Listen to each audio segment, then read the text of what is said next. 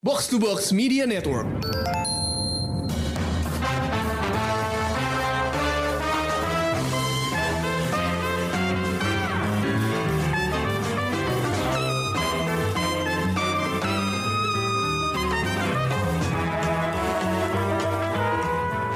Halo semuanya pendengar podcast Showbox, uh, jumpa lagi kita kali ini bakal nge-review uh, film Luka. Ini adalah animasi terbaru dari Pixar yang udah tayang di Disney Plus.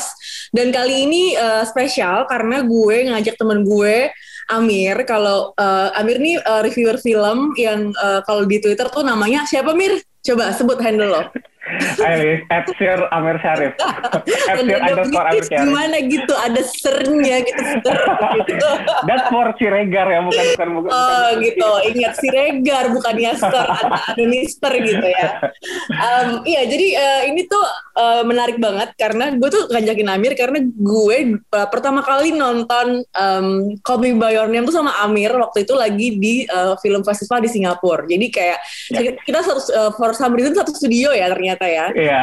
Nggak rencana. Dan kita ngantri kan. panjang. Uh, uh, kita ngantri panjang gitu ya. Terus keluar-keluar matanya pada merah sembab semua gitu. uh, jadi gue langsung kayak begitu uh, mau nge-review Luka gue kayak kayak gue pengen ngajak Amir deh untuk ngobrolin uh, film terbarunya Pixar yang kali ini. Kenapa? Nah itu nanti uh, dijelasin di reviewnya ya. Jadi uh, memang ini tuh kalau lo ngomongin luka sebenarnya adalah orang tuh kan banyak bertanya-tanya ya. Sebenarnya kenapa sih eh, eh, Pixar ini mau ngapain lagi sih gitu kan? Dia tuh udah bikin cerita um, mainan yang hidup gitu kan? Uh, toys that came to life gitu. Dia udah bikin Toy Story udah bikin uh, empat uh, series ya empat film. Dan semuanya menurut gue sukses gitu ya. Sebagai um, sebagai franchise tuh emang dia hits banget gitu kan? Dan dia long lasting lah gitu Terus dia udah bikin Inside Out. Jadi kayak gimana kalau yang came to life itu feelings gitu kan. Yang feelings tuh bisa feelings can feel gitu kan. Jadi kayak lebih lebih dalam lagi tuh yang tadi cuma mainan, terus sekarang feelings tuh uh, perasaannya gimana gitu kan. Uh, terus yang terbaru mungkin uh, Soul ya yang paling uh, yang yang udah udah nggak ya apalagi yang came to life gitu tapi langsung afterlife gitu kan. Jadi kayak ngebahas afterlife gitu kan. Jadi kalau udah apa ya kalau udah ngebayangin kayak tiga cerita ini aja kan nextnya tuh bingung ya kayak nextnya mau ngapain lagi gitu kan. Nah film yang terbarunya ini tuh sangat simple sangat sederhana mungkin bisa dibilang underrated kali ya gitu. Um, ceritanya tentang coming of age story yang apa settingnya di sebuah pinggiran kota kecil di uh, Italia ya di Italian Riviera tentang seorang uh, monster laut yang pengen uh, melihat dunia luar gitu kan. Jadi uh, pengen bertualang lah dia sebagai anak kecil apa anak yang beranjak gede, beranjak remaja gitu kan. Dan dia punya orang tua yang sangat strict kayak nggak boleh nggak boleh keluar karena kota yang ada di pinggiran pantai tempat mereka tinggal itu adalah orang-orang yang uh, pemburu si monstersnya gitu. Dia pemburu monster ikannya. Nah jadi uh, kita bakal ngebahas soal film ini, film Luka, tapi sebelumnya dengerin dulu trailer dari Luka.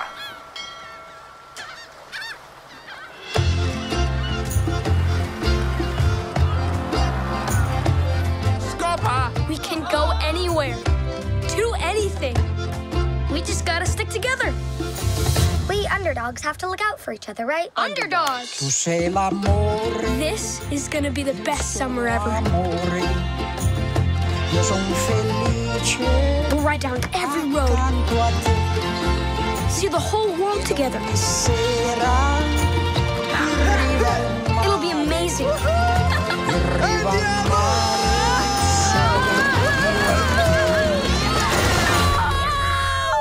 But there's just one thing. Whoa,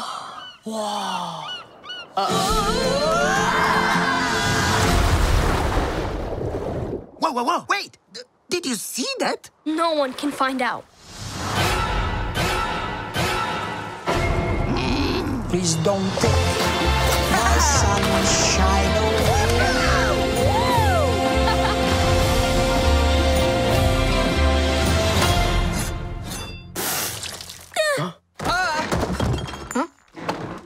Where did you boys say you were from? Nah itu dia tadi trailer dari Luka. Nah gimana nih Mir? Gue mau nanya dulu pendapat lo tentang film ini. Lo suka atau enggak nih? Gue sih udah baca review lo, tapi nggak apa diulang dikit aja suka uh, first of all mau mau bilang sorry dulu untuk udah nganggap saya aku termasuk tuh yang salah satu orang yang nganggap eh, Luka ini apaan sih lagi eh, Pixar mau ngapain lagi dan terus baca premisnya tentang persahabatan terus coming of age story kemudian ada trailer pertama it looks Ya. good trailernya kelihatan cakep banget tapi te- eh, setelah eh, ngelihat ceritanya terus kok cuma gitu doang setelah ya oke lah kita udah punya Inside Out, punya Toy Story, punya Soul yang Ya. punya Wall-E tentang tentang kehid apa tentang tentang planet-planet. Kemudian Pixar datang dengan cerita yang mungkin bagi kebanyakan orang lah ini kan seperti studio lain ya dan ternyata hasilnya ternyata buat bisa ngebuat semacam yang cerita persahabatan. Simple cerita persahabatan tapi eh, garapan ceritanya keren banget terus udah banget dengan, dengan visualnya yang khas Pi- Pixar eh, dan jadinya ya udah selain enak dilihat dan ternyata pelan-pelan ceritanya bisa menghanyutkan sampai Iya, di bagian ending yang kalau udah nonton mungkin kerasa banget bagian endingnya Hmm, oke. Lo sempet curiga nggak kalau ini tuh kayak semacam rip off-nya Pixar terhadap Call Me By Your Name? Iya. Oh, eh, mungkin kalau yang udah main-main di film Twitter, mungkin udah dari dulu udah dari semenjak premisnya didengar soal persahabatan dua remaja pria di Italia ketika musim panas langsung kecantol Kayak udah pernah sama- nonton ya? Kayak, pernah kayak pernah denger di mana gitu ngapain Belum lagi? kemudian belum Iya, lagi iya. denger judulnya Luka. Uh, kayak pernah denger nih Iya. filmnya di mana. Sama Tapi, sutradaranya tuh kayaknya. sama sutradara ternyata eh, eh, sutradaranya Enrico Cas- Casarosa bilang Ya. kalau ini murni cerita persahabatan eh, Hmm. dan eh, di base berdasarkan memang eh, kisah kisah hidupnya dengan dengan dengan salah satu sahabatnya tapi eh, memang ceritanya eh, ini tentang friendship tentang tapi juga tentang acceptance who you are acceptance who you are menerima kamu apa adanya juga menerima orang lain eh, apa dirinya sendiri. Jadi nggak yang judge orang lain yang gimana, tapi yang melihat orang lain seutuhnya. Jadi yang ya sedikit-dikit bisa lah kita bisa eh, kita bisa buat seperti yang oke ini Pixar tribut sedikit semac- sedikit kepada Call Me By Your Name walaupun nggak akan ada yang mengakuinya mungkin dari orang Disney maupun Pixar tapi dari segi cerita dari segi cerita mungkin penonton bisa nangkap kalau esensinya ini lebih besar dari sekedar cerita soal persahabatan antara tiga orang karakter yang ada di eh, ceritanya Luka. Ya, ya. Jadi kenapa tadi gue bilang nama director sebenarnya kita bukan nge-refer ke director dari film Lukanya ya, tapi dari dari film sebelah ya, dari film Me sebelah. Me By Your Name. Em, Oke, jadi eh, film Luka ini kalau boleh eh, kalau misalnya kita mau pretelin dulu nih cast and crew-nya, Hmm. eh, direkturnya adalah Enrico Casarosa. Ini tuh adalah directorial debut dia ya, jadi bagus banget sebenarnya sebagai directorial debut. Eh, ini screenplay-nya ditulis oleh eh, JC Andrews sama Mike Jones. Jadi si direkturnya ini Enrico ini dia eh, jadi sutradara, tapi dia juga punya ide cerita. Tapi screenplay-nya Hmm. ditulis oleh JC Andrews. Dia ini yang nulis novel Me and Earl and the Dying Girl. Jadi dia waktu itu debut novelnya tahun 2012, uh, novel Me and Earl and the Dying Girl, dan dia juga yang uh, bikin apa adaptasi ke filmnya gitu. Uh, dan kalau si Mike Jones adalah ini ya, dia tuh sebenarnya pernah nulis beberapa uh, adaptasi bahasa Inggris film-film uh, Ghibli gitu ya. Ada uh, The Wind Rises, ada The, The Tale of Princess Kaguya gitu kan. Terus um, dia kalau nggak salah eksekutif editornya IndieWire uh, IndieWire juga ya Iya, gitu. iya. Jadi memang ini eh, orang-orang yang pecinta film lah gitu ya. Dan ini menarik banget nih kenapa ada si em, Mike Jones di sini gitu ya. Karena memang eh, kalau gue ngelihatnya emang ini rada-rada apa ya? Kalau pendapat gue tentang Luka adalah filmnya ini sangat em, aneh, eh, dreamy banget gitu ya, chill. eh, at some point bahkan agak-agak konyol gitu ya karena kayak sangat child childish lah ke kanak-kanakan gitu. Tapi it's just apa ya pure aja gitu. Karena emang ini ceritanya anak-anak yang uh, beranjak dewasa gitu ya apalagi karakternya si si Luka ini kan sangat ini ya sangat pure banget gitu kan. Karena emang dia serba takut serba nggak yakin dengan dengan situasi di sekelilingnya gitu kan. Dan dia ketemu uh, Alberto yang uh, yang apa ya bos Sudah merasa bosful tahu. aja gitu Iya. sotoy abis gitu kayak bintang dibilang eh, ikan gitu kan kayak itu lucu banget dan gue yang kayak eh, nggak pernah ngerasain film Pixar yang chill kayak gini karena selama ini selalu yang gue rasain tuh filmnya Pixar selalu tuh kayak pacunya tuh cepet banget gitu ya.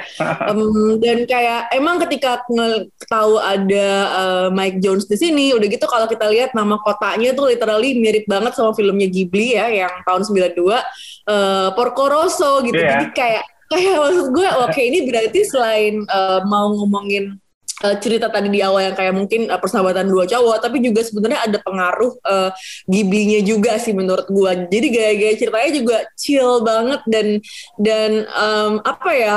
I think for once ini di sini Pixar tuh nggak ambi gitu loh, ngerti nggak sih kayak Iya, ceritanya iya, tuh iya, setuju, setuju. Uh, biasanya kan kalau misalnya itu kayak ada something happen dan kayak stake uh, stake-nya tuh gede kayak gitu kan. Jadi kayak di sini tuh kayak uh, it's really taking its time menurut gue dalam bercerita gitu ya. Jadi kita juga nontonnya slow dan nggak yang kan kalau nonton filmnya Ghibli gitu ya kita tuh slow santai gitu kan nggak yang stres nggak yang nggak yang drama nggak yang dramatis banget gitu.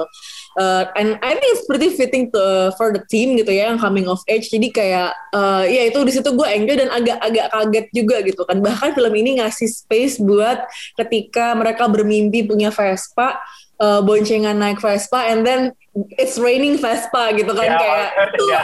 itu bagus banget maksud gue kayak wow you actually give uh, some uh, lumayan screen time ya buat adegan-adegan yang lumayan aneh kayak gitu kan gimana Ya. menurut lo? ya sih eh, terus yang yang satu catatan yang saya kemarin aku aku sempat baca kemarin itu eh, kalau dibandingkan dengan film-film Pixar yang lain kalau film yang lain kan itu push the boundaries banget kan selalu Hmm. ada Pixar tuh selalu seperti berusaha yang oke me- mereka adalah eh, studio animasi pertama yang mungkin yang CGI komputer itu mereka lah eh, break the boundaries yang akhirnya diikuti sampai sekarang eh, studio-studio lain CGI-nya itu udah jadi biasa. Tapi begitu sam- sampai di Luka, mereka eh, balik lagi ke hand drawn. Aku eh, Hmm. kemarin pernah baca kalau kalau kalau eh, animasi di memang eh, Kasarokasa sendiri eh, berusaha ngebuat Luka ini lebih intim. Jadi lebih intim sep- Ya. eh, seperti dengan Ghibli, termasuk Hmm. dengan animasinya. Jadi animasinya banyak animasi dari dari mulai dari desain perkotaan sampai desain karakter sampai desain lautnya sendiri itu hand drawn. Jadi itu kerasa banget eh, waktu Hmm. waktu nontonnya sendiri yang Ya. seperti lu bilang eh, ini apa ya maksudnya beda feelnya beda Pixar dengan banget ya. Pixar nggak Pixar banget tapi at the same time yang ketika kalau mungkin ini dihasilkan oleh studio lain ini kayak yang oke itu ya udah eh, animasi yang tentang persahabatan biasa tapi ketika di- dihasilkan Pixar Hmm. warna visual warna visualnya lebih cerah terus Ya. ceritanya lebih intim terus yang somehow karakter dan Casarosa itu berhasil nyusunin cerita dari awal sampai akhir yang soal kisah persahabatan antara Luca sama Alberto Hmm. dia pelan-pelan dan fokusnya itu coba kalau dibandingkan dengan film Pixar lain eh, film Pixar lain itu berusaha eh, nge-build world dia gede dunianya gede mesti Iya. bisa dijelaskan satu sementara kalau Luca kita cuma Iya. asli cuma terpaku sama Luca sama Alberto persahabatan mereka kemudian eh, datang eh, karakter lain Iya. Eh, si Ju- Julia Iya. Julia tapi Julia somehow malah ngebuat persahabatan antara Alberto sama Luca itu jadi lebih kerasa lagi eh, eh, dekatnya gimana antara pengaruh satu yang lain seperti yang lu bilang tadi kalau awalnya eh, Luca ini cowok yang pure banget yang sama sekali nggak tahu apa-apa dibandingkan dengan eh, Alberto yang merasa kalau dia itu udah belajar dari hidupnya dari banyak dari banyak hal Hmm. kemudian datang Julia yang asli seperti tipe cewek yang antusias sama dunia tapi tapi eh, dibekalin dengan ilmu pengetahuan dia. Jadi Hmm. ke- Luka ketika kenal sama Julia merasa loh ada tuh orang yang pintar tahu segala hal tapi berdasarkan bukti. Sementara sementara bukti atau berdasarkan sains. Sementara Alberto kan tahu segalanya karena dia belajar dari kehidupannya. Yang banyak yang Iya. soal soal boleh udah boleh spoiler bukan sih. Boleh Yang boleh boleh ha. yang soal ayahnya yang dia ceritain, Hmm. yang soal kehidupan yang susah, yang yang Ya. gimana, ya, yang itu yang yang yang di, kemudian diinfluenskannya. Dan memang kalau kita melihat dari feel-nya memang kerasa banget soal pengaruh Ghibli yang Hmm. tradisional, yang personal, yang yang takes time untuk untuk ngasih cerita, tapi eh, takes time tapi tetap fokusnya pada eh, sosok-sosok karakter yang memang menjadi fokus dari cerita itu sendiri. Jadi dia yang nggak nggak kayak nge-build yang lain karakter-karakter lain oke ditampilkan cuma untuk ngasih atmosfer-atmosfer tambahan seperti karakter orang tuanya Luka atau karakter-karakter si bully si eh, ya itu ada karakter pembulinya yang nambahin. Tapi tetap kita fokusnya nggak akan hilang dari eh, sosok eh, Luka sama Alberto Hmm, oke oke oke. Nah, tadi lu sempet eh, bilang soal world buildingnya gitu ya. Biasanya kalau Pixar tuh cenderung besar, megah gitu ya, grande gitu. Tapi kali ini tuh memang dia lebih intim gitu kan. Eh, lu, gue mau nanya soal ini aja sih. Kayak kalau di Ghibli itu di film yang literally judulnya Porco Rosso gitu ya. itu kan tentang seorang eh, babi gitu ya, tentang seorang babi Iya. jadi pilot gitu. Terus kayak eh, kayak agak-agak cowboy gitu tapi maksudnya dia pilot terus dia ngamba- eh, dia banyak ngambatin orang kayak gitu kan kalau di sini tuh eh, karakternya amfibi em, monster la- apa monster laut lah ya ikan lah ya manusia ikan gitu kan manusia ikan Eh, lo ngelihat eh, manusia ikan terus dia hidup di tengah manusia jadi maksudnya eh, buildingnya tuh emang dunia dunia kita nih dunia manusia Iya. tapi ada makhluk lain gitu kan which is it's pretty weird gitu kan maksud gue kayak emang eh, eh, nggak biasa aja gitu untuk cerita-cerita orang apa ya cerita-cerita narasi orang eh, barat untuk ngasih karakter yang kayak gini gitu loh. Eh, lo ada pemikiran khusus nggak karakter yang kayak sea monsters kayak gini? Kalau lihat dari karakter mungkin ini berkaitan dengan temanya soal acceptance acceptance, acceptance tadi ya soal penerimaan diri Hmm. tadi. Hmm. Jadi dia berusaha nge-build ada sosok asing yang yang mungkin eh, ceritanya seperti ketika manusia dihadapkan pada sosok sosok yang tidak diketahui terus pada takut semua tuh satu kota Porto Rosso kan diceritain pada pada dari dari sejarah udah dari bertahun-tahun yang lalu udah di udah ditanamkan di otak mereka. Sampai anak-anaknya sendiri sampai Julia sendiri udah kenal kalau si monster itu jahat loh. Si monster itu Iya. berbahaya loh sama kamu. Kemudian dibenturkan nih dengan dengan datang Alberto sama Luca yang berusaha berusaha eh, mengenal apa sih sebenarnya manusia itu sendiri gimana sih manusia itu sendiri kehidupannya gimana. Eh, terus ternyata mereka tahu nih ternyata kita tuh musuh ya di, di sama manusia.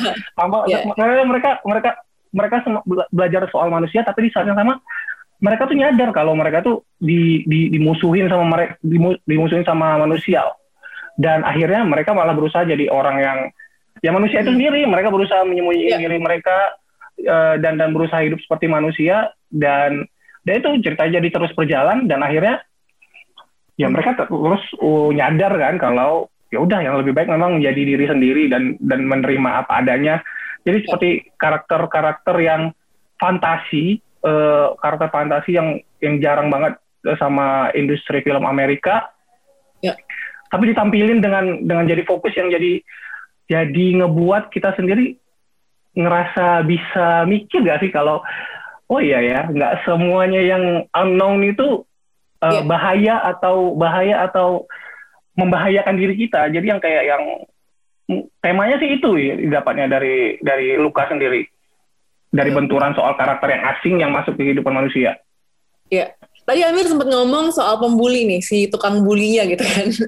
Nah, yang karakternya tuh kayak sebenarnya udah lebih tua eh, daripada anak-anak ini yang masih Iya. kecil gitu ya. Tapi eh, dia tuh jago apa ya? Maksudnya secara fisik tuh eh, prima lah gitu ya. Dia jago eh, naik Vespa, fit lah gitu ya, bisa naik sepeda segala macem. Eh, dan anak tiga ini harus ngalahin dia gitu. Tapi gue suka ngerasa karakternya si villain ini nih, si musuhnya ini tuh rada ini gak sih kayak terlalu kartunis sayang banget tuh Iya, gitu gitu. iya. Jadi kayak gue nggak tahu apakah eh, itu tuh emang karena mereka me- pengen fokusnya ke lukanya aja gitu, ke lukanya aja atau eh, perannya si eh, villain ini tuh gimana sih menurut lo gitu? Kayaknya nggak terlalu, maksudnya ada nggak ada dia, menurut gue akan tetap eh, ngerti nggak? Ceritanya akan tetap roll gitu nggak sih? Iya, Eh, iya. Cuman karena butuh menang dan butuh eh, punya duit buat beli Vespa aja kayak gitu kan? Eh, tapi eh, lu ngerasa gak sih Riz kalau Luka ini sengaja seperti sengaja dibuat sama Pixar khusus untuk penonton yang muda. Jadi kalau kita Hmm. bandingkan seperti Soul atau Inside Out atau Hmm. apalah film film Ya. mereka yang konsepnya gede banget itu Ya. dari dulu tuh Pixar selalu dikenal sebagai film animasi yang bisa dinikmati dewasa sama muda, Ya. tapi lebih condong ke dewasa. Sementara ketika eh, Luka datang dengan dengan ceritanya yang simplified Lu- banget, yang yang ya. yang yang sederhana banget Hmm. antara si jahat si protagonis lawan si antagonis, yang antagonisnya digambarin beneran yang kayak nggak ada sisi baik-baiknya sedikit pun. nggak nggak ada beneran ngebully ngebully ngebully mereka ngebully mereka dan nggak ada nggak ada rhythmnya kan kalau misalnya Ya. seperti contoh kayak si Dudung eh siapa sih Sadamnya petualangan Serina terakhir dia kan rhythm Ya. sementara di Luka beneran di, di, di, dikalahin banget sama sama karakter protagonisnya Hmm. kartunis memang tapi at the same time kalau kita saksikan secara film yang untuk ditonton anak muda Hmm. yang yang penonton penonton lebih muda maksudnya Ya. kayak seperti memang gambarannya film yang simpel tapi biar setuju sih sama lu sama Lulis eh, kalau nilai-nilainya Luka sama Alberto nilai persahabatan Luka Alberto sama Julia tuh bisa dibandingin langsung sama sama karakternya si pembuli ini tadi.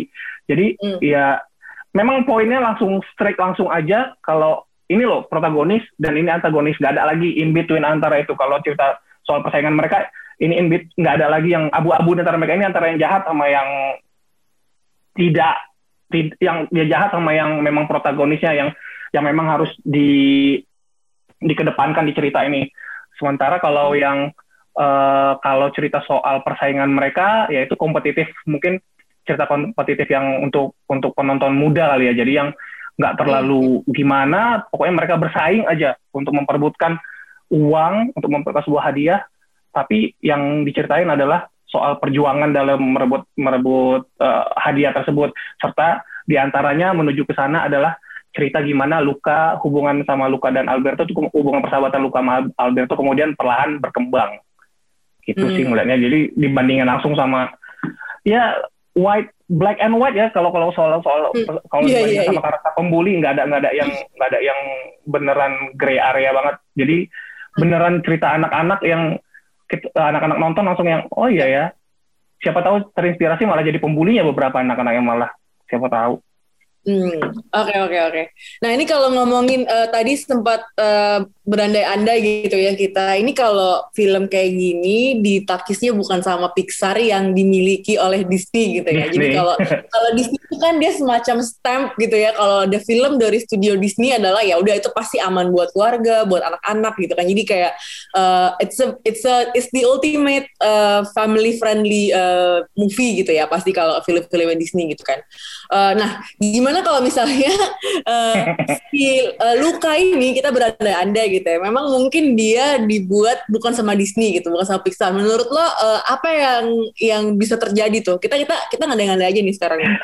Karena gue sempet kayak mikir gini loh. Eh, pertama kalau gue ngerasa misalnya kalau dari segi desainnya aja gitu ya, itu kan karakter orangnya itu sebenarnya cukup Pixar banget gitu kan dengan gayanya tuh kayak emang gaya Pixar gitu kan. Gue sebenarnya udah berharap tampilannya bisa beda juga tuh kalau mau agak-agak kayak Ghibli gitu kan. Eh, Dan apakah sebenarnya lo se- se- pernah meng- menghayal nggak sih gimana ya kalau Pixar sama Ghibli tuh beneran collab-collab gitu? Iya nggak sih? Mungkin Iya apakah sih. sesuatu hal yang mungkin kayak gitu kan kayak East and West gitu? kalau mungkin Enrico ya sendiri ngarepin Luka ini sebagai tributnya eh, untuk Ghibli kali ya Eh, karena eh, dari segi cerita ataupun dari segi desain atau warna-warna yang ditampilinnya Ya, Tapi kalau warnanya collab- bagus banget collab- ya. Oh iya warnanya bagus banget. Eh, kalau collab antara Ghibli sama Pixar nggak tahu deh. Tapi kalau ngebayangin ngebayangin soal gimana kalau film ini sebenarnya Pixar belum dimiliki Disney dan ini dibuat sama murni sama Pixar. Kemarin kan di Onward sempat tuh ada satu karakter yang eh, polisi wanita yang eh, partnernya adalah cewek juga kan. Hmm. Eh, eh, dan dan dan itu mungkin satu pertanda dari Pixar sendiri kalau mereka moving forward, forward sama ceritanya mereka nggak cuma berbasis sama keluarga yang konvensional sementara di sini eh, penonton mungkin bisa dapat kalau kalau kalau kalau, kalau ceritanya ini tentang oke ini ada dua remaja pria yang sedang berusaha mencari jati dirinya eh, dan mungkin akan lama-lama eh, ada beberapa gestur yang mungkin eh, ngasih sign kalau Alberto sama Luka more than just friend. Tapi karena Hmm. karena udah karena didesain sebagai persahabatan, mungkin beberapa orang ya udah nganggapnya persahabatan. Tapi gimana kalau misalnya ini nggak sama Disney, mungkin Pixar bakal lebih berani lagi mungkin eh, untuk ngambil step yang lebih jauh kalau dua karakter mereka ini mungkin eh, jadi Elio sama Olivernya di di, di universe mereka. Itu sama Olivernya Victor. apalagi eh, apalagi lu lihat ya ini yang bagian adegan ya perpisahan kereta api like ya berkaca-kaca dah gitu ya.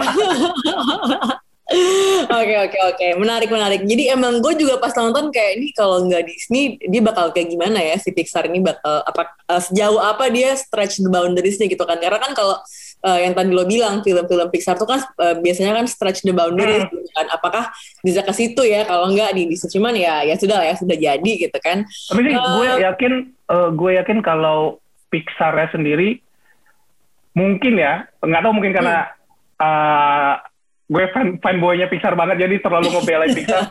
Tapi gue sih percaya memang eh, Luka ini dibuat eh, dengan konsep persahabatan bukan bukan bukan karena eh, dipres sama studio besar semacam Disney yang terus udah dong Iya, gak usah buat iya. yang macam-macam buat persahabatan Iya. aja. Aku Emangnya di kalau- Indonesia ya? Iya.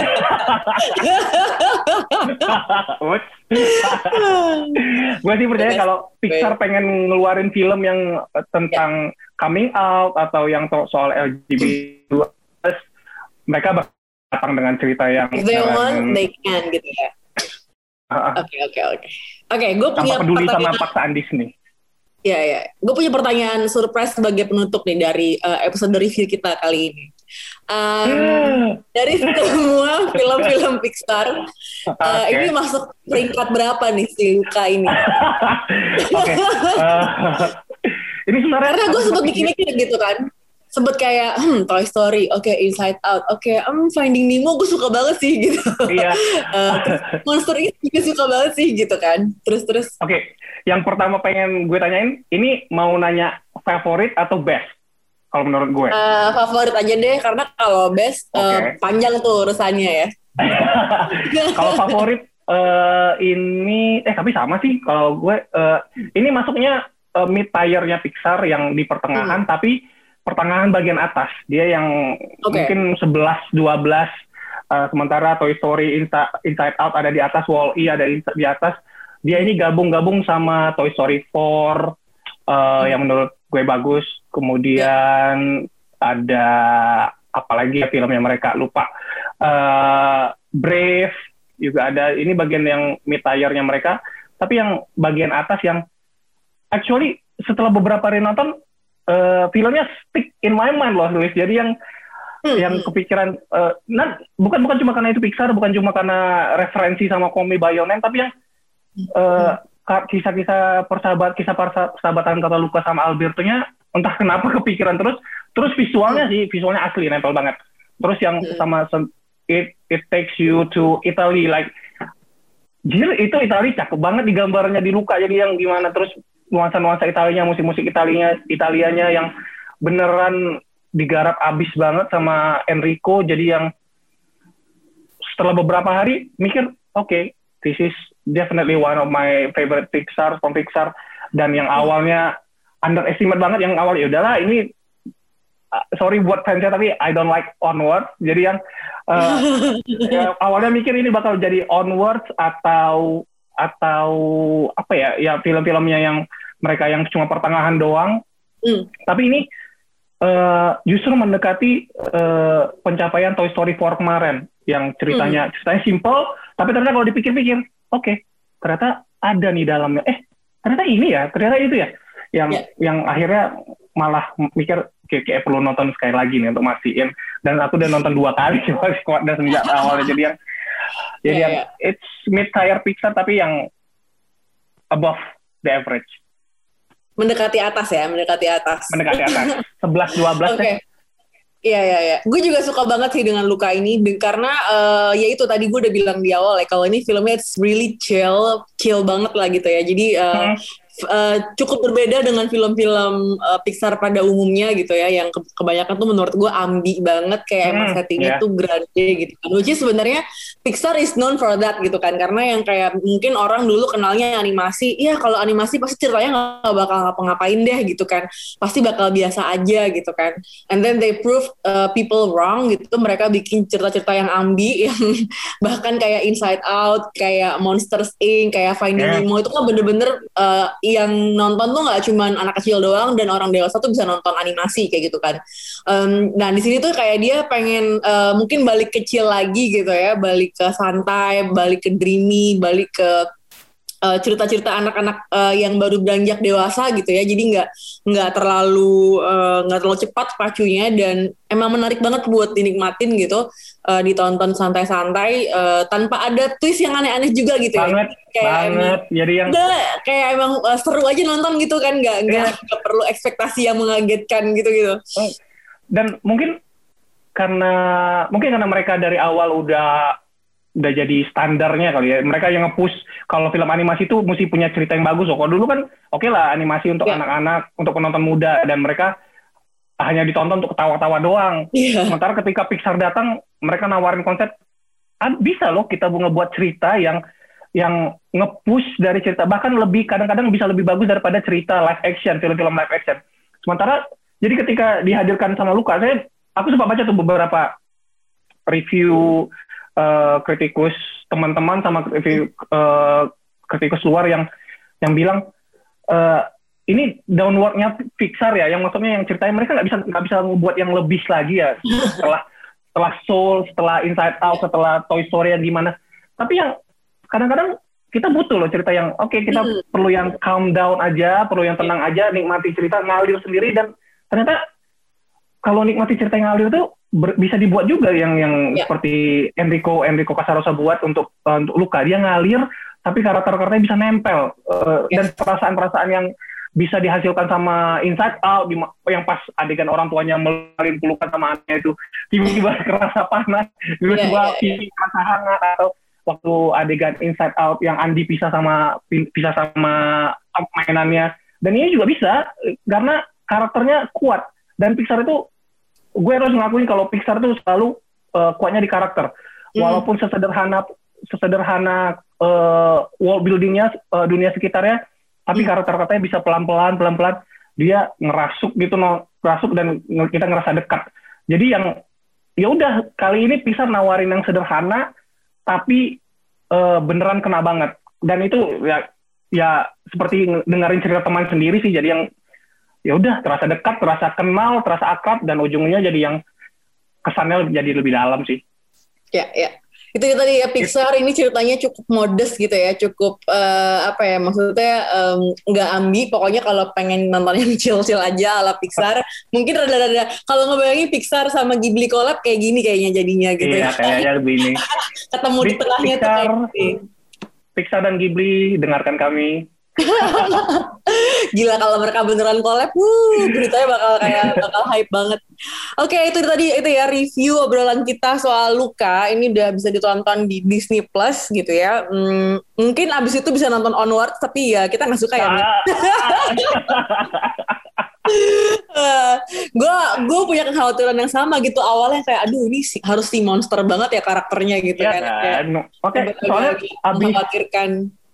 Soalnya eh, trennya Pixar itu setelah tinggi seperti Soul yang Ya, ya. yang pen- yang yang garapan ceritanya yang yang ambisius banget biasanya mereka eh, ngerendah dikit tapi kadang-kadang terjerembab seperti yang Cars atau yang Ya. The Good Dino- Dinosaur tiba-tiba yang jatuh banget jadi yang ini yang yang kita nggak "Hah, senang Pixar banget gini-gini?" kalau ter ya nggak nggak ambisius banget tapi bisa bagus banget dari Pixar Nah, itu dia tadi ya. Silakan langsung aja ke Disney Plus. Ke- Kita nggak bisa ke bioskop nih karena masih angka COVID makin tinggi gitu ya. Di Hmm. Jakarta tutup nih. Di Medan gimana di Medan? Apa kabar? di Medan semenjak udah satu setengah tahun tidak menyentuh bioskop Lisa jadi nggak usah disentuh-sentuh lagi nggak usah disinggung-singgung lagi Jadi lu bener-bener screener only ya. Screener yang buat only banget iya Oh, screener gitu. Nggak apa-apa. Karena sebenarnya di Disney Plus, di Netflix, apalagi nih kita memasuki bulan Juli ya banyak banget tontonan yang seru gitu ya. Kalau di Disney Plus ada Loki mungkin yang orang yang tiap Rabu nungguin gitu. Eh, Terus di Netflix tuh tahu gue Juli tuh rame banget tuh uh, Rame up-nya gitu kan. Jadi eh, mulai mabok lagi nih kita untuk banyak tontonan-tontonan yang belum sempet ditonton. Oke, thank you banget udah dengerin Showbox. Amir, thank you udah main ke Showbox. Thank you for Eh, having me ya. Liz Yes, kita jumpa lagi ya di review-review yang eh, lain. Thank you Yap. semua udah dengerin. Thank you, Liz. Bye-bye. bye